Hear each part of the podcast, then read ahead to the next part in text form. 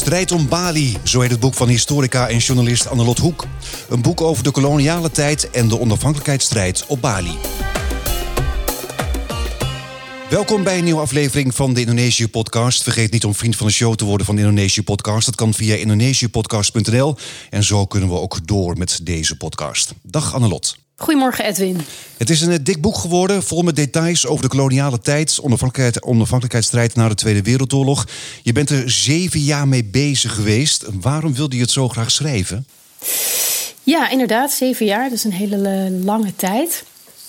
Ehm, het is eigenlijk begonnen met, een, uh, met foto's die ik uh, toegestuurd heb gekregen van een veteraan die in Parijs uh, woonde op dat moment. En dat waren foto's van, van gedode Balinezen die, je, die je zag liggen. Ja. En hij wilde zelf graag weten wat er nou min of meer op die foto's te zien was. En, en ehm, voor mij was dat een hele. ja, een, een, een betekenisvol moment, omdat ik daarvoor net op Bali was geweest, een aantal jaar daarvoor. Uh, en toen had ik me beseft dat er een ja, geschiedenis ligt met Indonesië, maar dat ik daar uh, vrijwel niets van af wist. Terwijl ik toch wel geschiedenis had gestudeerd. Dus het was een soort van samenkomst van, van gebeurtenissen, waardoor ik heel erg geraakt werd door die foto's. En toen dacht ik, wil dit gaan uitzoeken. Ja, want je, schrijft inderdaad in je boek dat je na een reis op Bali terugkwam in Nederland. En toen ook een item op het nieuws uh, zag. Dat ging toen uh, over de weduwe van Rawakede. In dat uh, dorp in West-Java schoten Nederlanders in 1947 honderden mannen dood. Negen weduwen kregen na een rechtelijke uitspraak ook ieder 20.000 euro. En de Nederlandse ambassadeur die maakte toen ook excuses. Saya, atas nama pemerintah Belanda, memohon maaf Baris.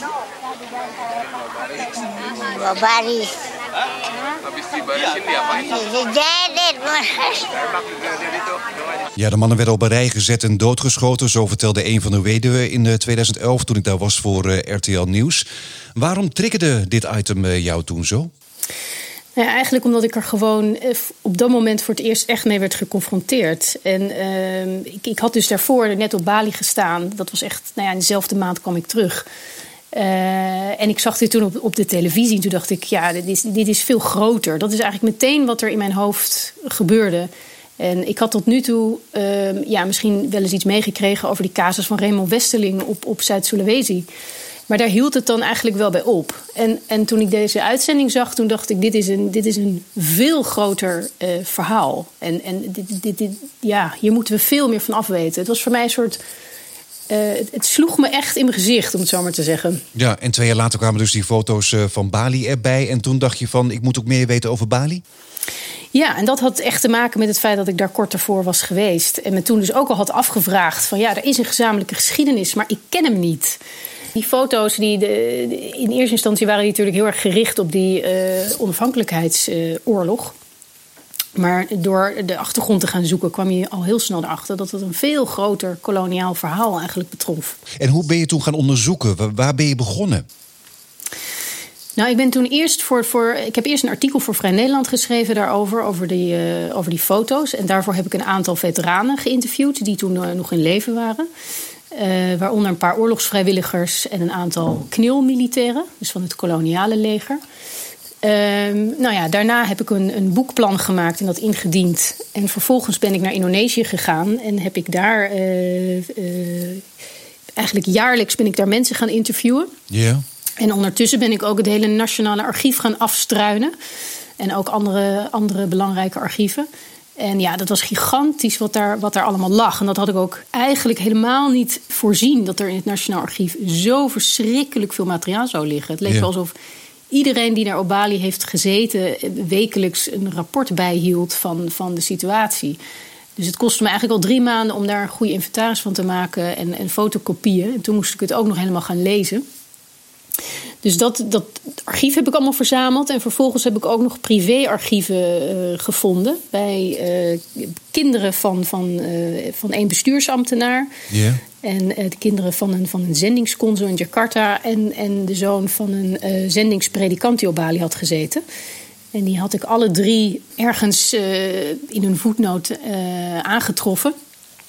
En ik ben dus naar die kinderen op zoek gegaan. En, en eh, ik kwam er toen achter dat er nog heel veel archief van hun vaders op zolder lag. Ja, dat privéarchief dat moet wel eh, ja, echt waardevol eh, geweest zijn. Dat lag gewoon ergens op zolder. Niemand had het nog gelezen.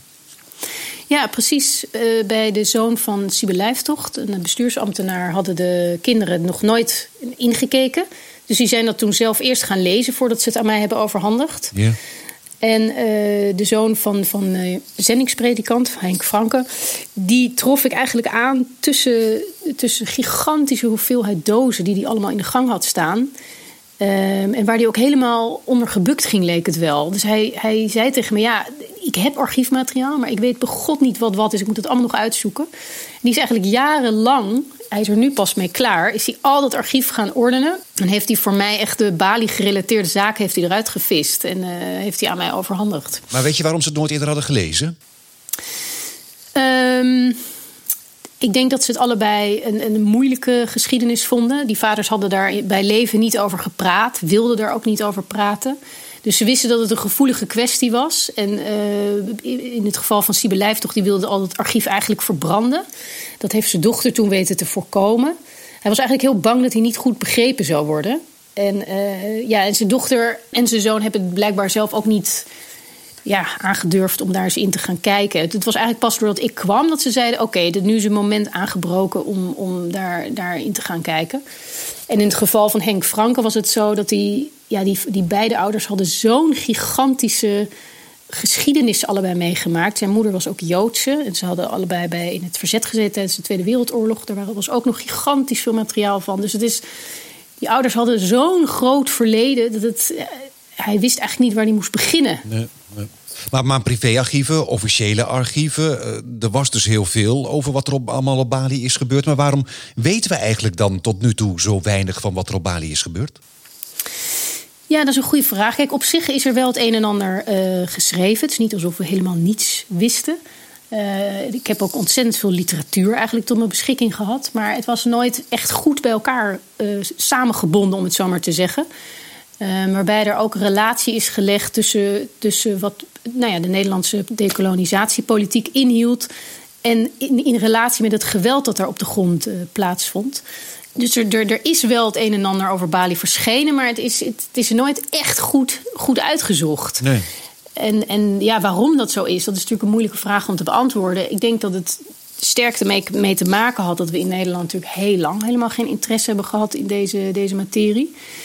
Um, en de boeken die verschenen over Indonesië, ja, in mijn optiek waren dat toch ook wel boeken die weinig kritisch waren, uh, weinig Indonesische perspectieven ook behelsden en um, die toch wel heel erg vanuit Nederlandse beleving en bronnen waren opgetekend. Mhm. Dus ja, daardoor, heb, daardoor mis je eigenlijk een heel, een heel deel van, van, van het perspectief. Ja, ik ben in het verleden ook wel op zoek geweest naar geschiedenisboeken inderdaad over Indonesië, wat er toen allemaal gebeurd is. En het is inderdaad allemaal vanuit ja, Nederlands oogpunt uh, geschreven. Jij dacht van, ik wil toch ook de Indonesische kant laten zien?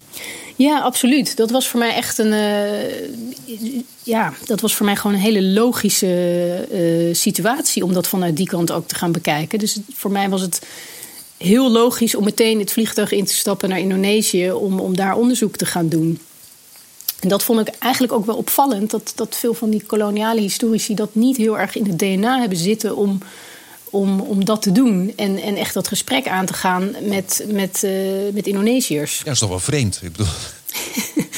ja, nee, dat is ook vreemd. En ik heb hiervoor, voordat ik hiermee bezig uh, hield, hield ik me met Afrika bezig. Ik ben ook afgestudeerd op Afrika. Yeah. En daar, in, in, zeg maar, aan, uh, in, in die, bij die Afrika-deskundigen, is dat echt een totaal andere situatie. Daar word je, ik heb daar een onderzoek mee gewerkt van twee jaar naar geschiedenis van ontwikkelingsorganisatie daar werden we gewoon meteen naar Afrika gestuurd. Dus je zat gewoon de hele tijd daar. En, en, je moest de hele tijd mensen interviewen en met tolken werken. En dat was gewoon de normaalste zaak van de wereld. En in de Indonesië-wereld liep ik daar eigenlijk een beetje tegen een muur aan dat dat niet gangbaar was. Nee, maar toch ben je gegaan. Je bent er op zoek gegaan naar mensen die nog leven, die die tijd hebben meegemaakt. Was het makkelijk om, om hen te vinden?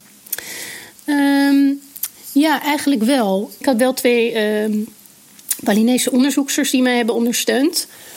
En uh, zonder hun had ik dat onderzoek uh, absoluut niet uit kunnen voeren. Want zij spreken de, de taal. En dan heb ik het niet over uh, Indonesisch, maar over Balinees. Ja, nog weer iets anders. Ja, ja het is echt een hele ingewikkelde taal. Ehm, en zij hebben ook geholpen met het vinden van, van mensen. Dus ook weer via vrienden en familie. Eh, we zijn op zoek gegaan naar veteranenkantoren daar op Bali. Ja, en dat zijn allemaal hele kleine kantoortjes in allerlei regio's. En die hebben dan weer een namenlijst van mensen die je zou kunnen vinden.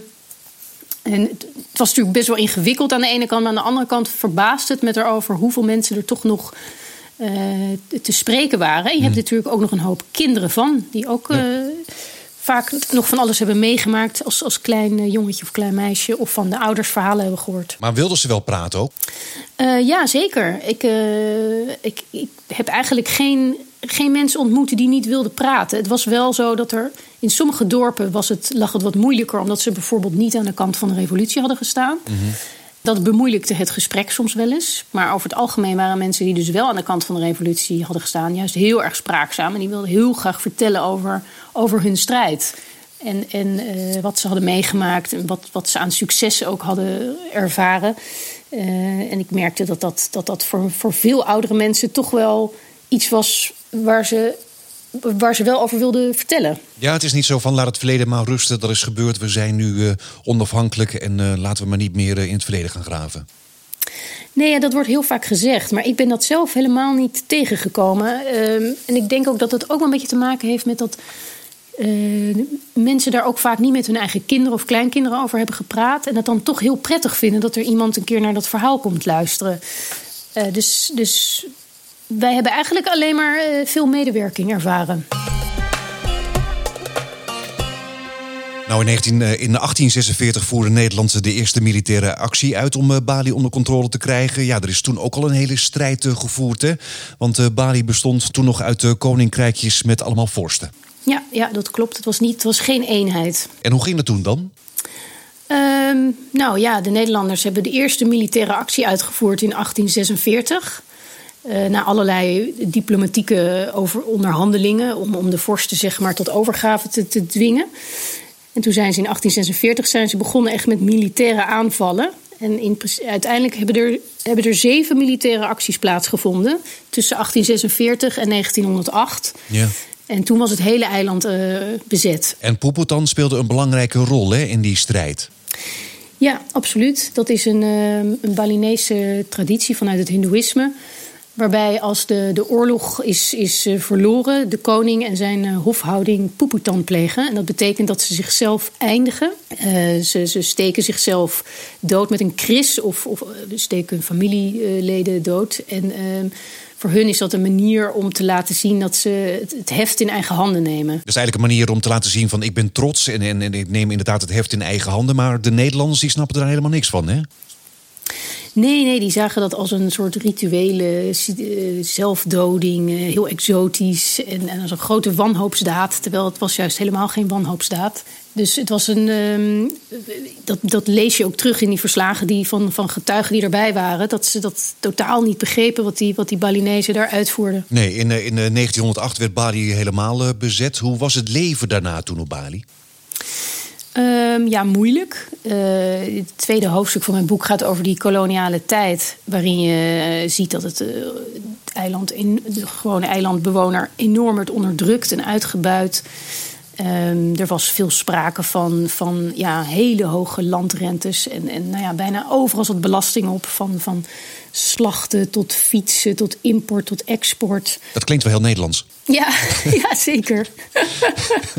maar, maar dat gebeurde dus toen al. De Balinezen werden toen al, toen al uitgeknepen eigenlijk. Ja, absoluut. En de mensen waren ontzettend arm. En dat, dat zie je ook, dat, dat contrast, dat, dat vond ik ook heel tekenend. Dat al die zeg maar, beroemdheden die naar het eiland kwamen in de jaren dertig... van Charlie Chaplin tot Walt Disney en zo... die werden natuurlijk gelokt met prachtige toerismefolders van, van, een, van een paradijselijk eiland. En ze kwamen daar eigenlijk aan en zagen, zagen toch hele rijke vorsten... maar ook hele arme eilandbewoners die zwaar gebukt gingen onder die uitbuiting...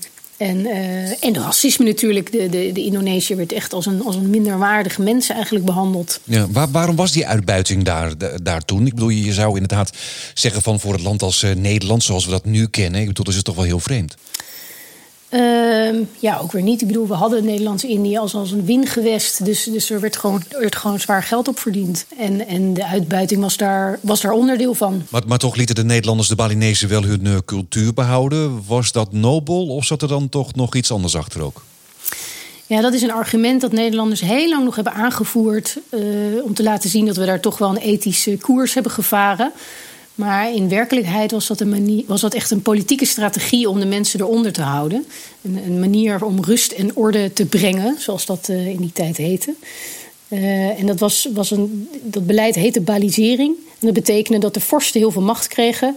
Ehm, en, en de gewone Balinees werd min of meer in een soort primitieve staat gehouden. En er waren ook wel mensen die het een openluchtmuseum noemden. Waarin de Balinees eigenlijk nauwelijks toegang kreeg tot, tot onderwijs en ontwikkeling. En dat, dat wilden de Nederlanders ook bewust zo in stand houden om de bevolking onder controle te houden. Ja, de Balinezen klein houden en dat een vriendschap sluiten met de vorsten, zodat de vorsten dan jou goed gezind zijn. Ja, precies. In de Tweede Wereldoorlog eh, kwamen de Japanners eh, ook op eh, Bali. Veel Nederlanders kwamen toen in kampen terecht. Maar de Japanners die wakkerden ook de onafhankelijkheidsgevoelens aan. Ja, na de oorlog dacht Nederland gewoon weer op oude voet door te kunnen gaan. Waar kwam dat idee vandaan eigenlijk? Dat gewoon de boel weer opgepakt zou kunnen worden? Ehm, nou, ik denk dat de Nederlanders zich heel weinig hadden gerealiseerd dat ze voor de Tweede Wereld een imperiale mogendheid eh, waren in Azië. En dat daar al heel lang een vrijheidsbeweging actief was, nationalisme eh, in opkomst was geweest. En dat men eh, al heel vaak had geprobeerd om zelfstandigheid te krijgen. En er werd steeds geen gehoor aan gegeven door Nederland. En ik denk dat heel veel ehm, eh, ja, bestuurders, maar toch ook gewoon de gewone Nederlandse soldaat, zich daar heel weinig van bewust was toen ze in 1945 daar terugkwamen. Zij dachten dat ze met open armen werden ontvangen en eh, we gaan gewoon weer door zoals het voor de oorlog was. Ja, eigenlijk wel. Ja. Eh, dat, dat zie je ook echt bij die, bij die militairen terug. Dat ze, zagen, ze hadden het idee dat ze daar de mensen kwamen bevrijden. En eh, natuurlijk zal dat voor een gedeelte van de bevolking ook best hebben gegolden. Zo bijvoorbeeld Chinezen die, die, eh, die, die, die wel, eh, of, of Molukse mensen die misschien wel blij waren dat de Nederlanders terugkwamen. Maar die hele breed gedragen vrijheidsbeweging, die hebben ze zwaar onderschat. Ja, want dat lees je ook een beetje in je boek. Hè? Dat de Nederlanders eigenlijk de Balinezen nooit hebben begrepen. Niet in de koloniale tijd en ook niet na de Tweede Wereldoorlog. Er was gewoon onbegrip. Ze hebben zich er ook niet in verdiept, zo lijkt het. Nee, ze hebben zich er totaal niet in verdiept. En dat vond ik ook wel heel eh, tekenend toen ik al die rapportjes las van, van bestuursambtenaren en, en eh, militairen die daar zaten. Dat ze op de een of andere manier gewoon niet kon, tot zich konden nemen dat die Indonesiër een gelijkwaardig mens was en dat hij de vrijheid verkoos. En dat er natuurlijk een parallel te trekken was tussen de situatie in, in eh, Nederland tijdens de Duitse bezetting en die in Indonesië. Dat, dat idee dat, dat wilde er eigenlijk bij de meerderheid van de Nederlanders die er rondliepen gewoon absoluut niet in. Zij zagen zichzelf toch ook als een soort van. ehm, ehm, ja, een een soort pater familias die daar de boel moest runnen. Anders liep de hele zaak in, eh, in de soep. Zo, zo, dat, dat, dat, die gedachte zat er heel diep in. Ja, maar dat blijft inderdaad ook een beetje vreemd. Ook de vraag die eigenlijk iedereen al heel lang bezighoudt. Van Nederland was net bevrijd van de Duitsers. En dan ga je 10.000 kilometer verderop. Ga je een ander volk lopen onderdrukken. Dat doe je toch niet? Nee, maar ja, nogmaals wat ik al zei, dat ze, ze, ze, ze vergeleken die Indonesiërs die dus de, de wapens oppakten met, met Japanners en met, met Hitlerjugend en dat soort zaken. Maar niet met, met, met zichzelf, die tegen de Duitse bezet- bezetter had gevochten. Dat is voor hun een hele andere eh, categorie. Dat stond er gewoon helemaal los van eigenlijk. Ja, dus er, waren, er was maar een enkeling die die vergelijking dus wel eh, zag en ook duidelijk trok. Maar dat, dat was een enorme minderheid. Maar dat was ook, die zaten ook wel in het koloniale bestuur. Ook, ook zeg maar wel een beetje in de top die dat wel zagen. Nou ja, eh, als je kijkt op Bali zelf, had je daar die, die eerder genoemde bestuursambtenaar en die zendingspredikant. Die kwamen beide uit, het uit het verzet eh, tijdens de Tweede Wereldoorlog. En die zagen dat dus heel scherp. En zij probeerden daar eh, hun meerdere van, van eh, te overtuigen. Maar dat was bijzonder moeilijk, al dan niet onmogelijk. Ehm, maar ze hebben het wel geprobeerd. Ze hebben eindeloze brieven geschreven, ook buiten het eiland, naar allerlei hooggeplaatste mensen in Nederland en in, in Jakarta. Eh, om toch maar die boodschap over te brengen dat, dat, dat we er helemaal verkeerd bezig waren. Ja, Nederland wilde dus ook de rest van de wereld laten geloven dat de Balinezen blij waren. Dat de Nederlanders na de oorlog weer uh, terugkwamen. Maar dat was ondertussen heel veel uh, verzet en daardoor ook steeds meer uh, geweld. Ja, je beschrijft ook dat de Balinese speltjes met de Indonesische vlag, de rood-witte vlag, moesten inslikken. Waardoor ze doodgingen. En als ze dat niet deden, ja, dan werden ze doodgeschoten. Martelingen, Nederlanders die tegen Balinezen zeiden van nou, je kan weg, ga maar rennen. En dan in de rug werden geschoten. Het is eigenlijk echt ongelooflijk wat er allemaal gebeurd is toen. Ja, ik moet ook eerlijk bekennen dat ik toen ik die foto's voor het eerst dus zag en aan het onderzoek begon, had ik nooit kunnen, eigenlijk kunnen bevroeden dat er, dat er zo gigantisch veel geweld uh, op Bali uh, had plaatsgevonden. En ook zo intens smerig hoe, hoe daar is opgetreden en hoe dat hele systeem daar in elkaar stak. Ik was daar zelf ook wel echt wel behoorlijk van onder de indruk. En ik denk dat dat zo goed afgeschermd uh, is geweest, omdat ja, daar, kwam, daar kwam heel weinig informatie over naar buiten. Dus er liepen geen kritische journalisten rond op het eiland. Uh, ja, er werd wel natuurlijk wat gerapporteerd naar boven toe, maar niet in de volle uh, gewelddadigheid van wat het daadwerkelijk was. Um, en ja, vervolgens kwam het al helemaal niet in de pers in Nederland terecht, waar toch een plaatje werd geschetst van dat we daar met allerlei uh, uh, mooie dingen bezig waren om, om, om het eiland weer op te bouwen. Ja, maar goed, als je jouw boek leest, dan was Den Haag ook wel degelijk op de hoogte wat er allemaal gebeurde daar. Ja, zeker. Er zijn uh, brieven aangetroffen, ook van die kritische bestuursambtenaren en die zendingspredikant bij, uh, bij politici in Nederland. Dus, dus men wist het wel, maar ja, men keek toch de andere kant op. Er is in ieder geval nooit een, een gedegen onderzoek uh, uitgevoerd op Bali. Er is één onderzoek geweest naar, naar corruptiezaken, uh, mm-hmm. maar nooit naar dat grootschalige geweld. Maar hoe kon dat geweld zo erg zijn toen? Nou, ik denk ook omdat het heel erg werd afgeschermd. Dus wat, wat ik al heel snel achterkwam, is dat iedereen had het daar over uh, geweld in een tanksie. De kazernes, hè, waar martelingen plaatsvonden en dat soort dingen. Ja, dus toen ik ook terugkwam in Nederland, toen, uh, toen ik ging, het boek ging schrijven, toen ging ik alles weer eens teruglezen. En toen dacht ik, jeetje, iedereen heeft het over die tanksie. Misschien is, is dat wel een veel belangrijker uh, eikpunt dan, dan, ik, dan ik eigenlijk zelf eerst in de gaten had. Want uh, door dat geweld ook zoveel mogelijk in zo'n tanksie te laten plaatsvinden, was het natuurlijk op dat eiland zelf ook al afgeschermd. Um, en, en, was dat niet iets wat, wat in het oog sprong? Ook omdat heel veel van die, van die de meest gewelddadige tanksies lagen allemaal heel ver weg in de bergen, afgelegen plekken. Ik was mm. soms zelf een dag bezig om naar zo'n dorpje, uh, op zo'n zo'n dorpje te vinden, wat dan ergens opdook als een plek waar een, een of ander gewelddadig kamp had gestaan wat gewoon echt bijna niet traceerbaar is. En uh, daar zie je al aan dat ze, dat ze een poging hebben gedaan om dat geweld toen al af te schermen. Ook voor de Malinese, want die tankjes, die speciale kazernes, je hebt ze inderdaad, uh, je zegt het al, je hebt een paar uh, teruggevonden. Waren die nog makkelijker te vinden? Nou, sommige wel en andere echt helemaal niet. Die, dat was echt een hele klus. soms was je gewoon anderhalve dag bezig om zo'n zo'n plek terug te vinden. En soms was er niks, stond er niks meer, was het afgebroken. En uh, bij, bij anderen stond het er nog wel, was het nu door het Indonesische leger in gebruik. Uh, wat ik wel opvallend vond, is dat er eigenlijk altijd nog wel iemand rond dat kamp aanwezig was die er iets over kon vertellen. Uh, soms ook gewoon echt mensen die, die in die tijd zes of zeven jaar oud waren geweest. Maar ja, toch een hele actieve herinnering hebben aan dat kamp. En, en daar ook als kind naar binnen keken. En daar natuurlijk nog een heel verhaal bij te vertellen hadden. Naar binnen keken en ook de martelingen zagen. En ook zagen dat mensen ja, werden doodgeschoten. Nou, sommige kampen waren echt heel, heel zwaar uh, bewaakt en afgesloten. Daar konden mensen helemaal niet bij in de buurt komen. En wat, wat primitievere kampen, daar kon dat blijkbaar wel. En uh, ja, daar, daar konden mensen inderdaad uh, naar binnen kijken en, en, zien hoe Balinezen daar werden gemarteld. Uh, en vaak hebben ze s'nachts schoten gehoord. En uh, kwamen dan de volgende dag verhalen van...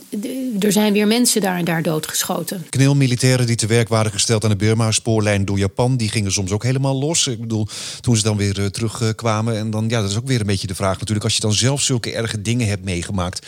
waarom ga je dan daarna nog een keer los?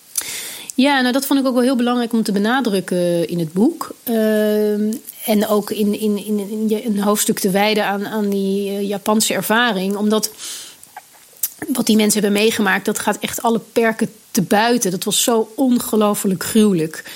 En je kunt je toch wel een voorstelling maken, vond ik, eh, dat als je zelf inderdaad zodanig bent toegetakeld en mishandeld, dat daar psychisch wel het een en ander eh, aan de hand is met je op het moment dat je weer een nieuwe oorlog wordt, wordt ingestuurd. En dat kwam ook wel in de gesprekken met sommige knillers, kwam dat heel duidelijk eh, naar voren. Dat, dat, het, dat het voor hun dubbel aantikt. Dat ze zeiden. Soort afreageren. Ja, en ook zo'n diepe angst om alsnog zeg maar, gedood te worden nadat je die Japanse kampen had overleefd. Eh, dat daar, ja, nou ja, je zou nu achteraf zeggen, die mensen leden natuurlijk aan allerlei traumatische ervaringen en PTSS-achtige toestanden. Die had je door terug moeten sturen. Nee, die waren helemaal niet inzetbaar. Wat heeft nou eh, op jou persoonlijk het meeste indruk gemaakt van alles wat je beschrijft? Oeh, dat vind ik een hele moeilijke vraag. Ehm, ja, ik denk uiteindelijk dat het bij mij toch minder op de details zit, maar meer op het, op het grote plaatje, om het zo maar te zeggen. En, en eh, dat je toch gaat begrijpen van wat, wat kolonialisme nou eigenlijk precies was. En, en eh, hoe, intens smerig zo'n systeem, zo'n machtssysteem in elkaar steekt. En, en wat een misbruik daar allemaal uit volgt. En ook hoe gewone mensen daarin meegaan. Ik vond dat eigenlijk heel treffend. Dat je ziet van het komt van bovenaf. Maar uiteindelijk zijn ook gewone mensen die in, in wezen niet, niet fout zijn. Of die nog best wel gewoon normale, eh, normale, goede mensen zijn. Ook eigenlijk helemaal gecorrumpeerd raken door zo'n systeem. En dat vond ik heel. ehm, ja, ook wel, dat gaf me ook wel inzicht, om het zo maar te zeggen. Wat ik, wat ik daarvoor niet, niet had op die manier. Ja, wa- wa- want de bevolking was natuurlijk ook verdeeld. Sommigen waren dan misschien wel op de hand eh, van eh, Nederland. En anderen die waren dan weer op de hand van de Republiek en de onafhankelijkheid. Ja, het, het, het, is dat verdeel en heers, dat is zo ontzettend sterk mechanisme. En, en eh, dat, dat, dat, dat slaat zulke diepe wonden eigenlijk in zo'n samenleving. Dat vond, dat vond ik heel tekenend. Ook omdat je dan ziet van wij gaan in 49 weg. Maar daar, begint het, daar, daar beginnen de afrekeningen dan, zeg maar, al voordat wij onze hielen gelicht hebben. En ja, dat is echt wel heel schrijnend om te zien hoe Indonesië natuurlijk nog met een gigantische nasleep heeft gezeten van, van, van de impact van, van dit koloniale systeem. En wij zijn vervolgens teruggegaan en hebben niet meer omgekeken. Nee. Je hebt, je hebt mensen gesproken daar, ook mensen die misschien in eerste instantie nog de Nederlanders eh, steunden. Is daar nog steeds een soort van schifting in de Balinese maatschappij van, van destijds? Ehm, nou ja, daar zullen mensen sowieso niet eerlijk over zijn. Want iedereen staat natuurlijk aan de kant van de revolutie. En, en er is toch natuurlijk het verhaal gemaakt van alle Nederlanders waren slecht. Eh, dat vond ik ook wel eh, belangrijk om in het boek goed te laten zien. Dat het geen zwart-wit beeld was. En dat er natuurlijk ook Nederlanders zijn geweest die eh, voor de goede zaak hebben gestaan. En aan de Balinese kant hebben gestaan. En.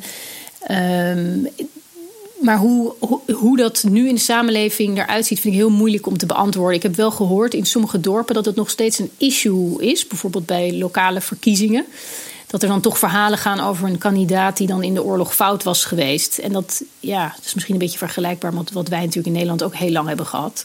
Maar, maar, maar er waren toen in eerste instantie ook plannen voor een federaal Indonesië. En Bali eh, zou dan onder Nederlandse bewind moeten vallen. Daarom werd er ook alles aan gedaan eh, ja, om de Balinezen eronder te krijgen. Maar waarom was Bali toen zo belangrijk? Nou, Bali was inderdaad precies wat je zegt, een onderdeel van eh, Oost-Indonesië. En samen met eh, Zuid-Sulawesi en eh, kleine Sunda-eilanden en ook Ambon, of eh, de Molukken, moest dat een, een, een staat gaan vormen. En die staat vormde eigenlijk min of meer de ruggengraat van, eh, van ja, de, de, de reconstructie die generaal-gouverneur eh, eh, Van Mook, Huip van Mook wilde neerzetten in Indonesië. Om toch nog macht te behouden in, in eh, Indonesië. Je had in Nederland had je natuurlijk een hele sterke lobby die vond dat we sowieso Indië in zijn geheel moesten behouden. En Van Mook hoorde tot een soort van progressieve stroming die dan inzag van dat gaat ons niet lukken. We moeten de, de zaken reconstrueren. En als we dan maar zo'n federaal systeem opzetten, dan houden we daar. Dan kunnen we tegenwicht bieden tegen de republiek. En op die manier toch eh, macht behouden. Ehm, en dat lijkt, dat is in Nederland heel lang neergezet als een soort van oprechte eh, initiatief. Maar ja, dat heb ik in mijn boek toch wel behoorlijk eh, onderuit gehaald. Het was, het was een manier om Indonesië te behouden, ja. Op, ja, het was natuurlijk uiteindelijk ook weer een manier om. om het is natuurlijk een soort vorm van neocolonialisme. En, en eh, Bali was daarin een belangrijke pion. Ik bedoel, daar is ook, die, die, die staat is daar ook gesticht in december 1946. Nou, het is allemaal eh, ruim 75 jaar geleden gebeurd. Koning Willem-Alexander die heeft eh, twee jaar geleden pas bij zijn eh, staatsbezoek aan Indonesië excuses aangeboden. The past cannot be erased and will have to be acknowledged by each generation in turn.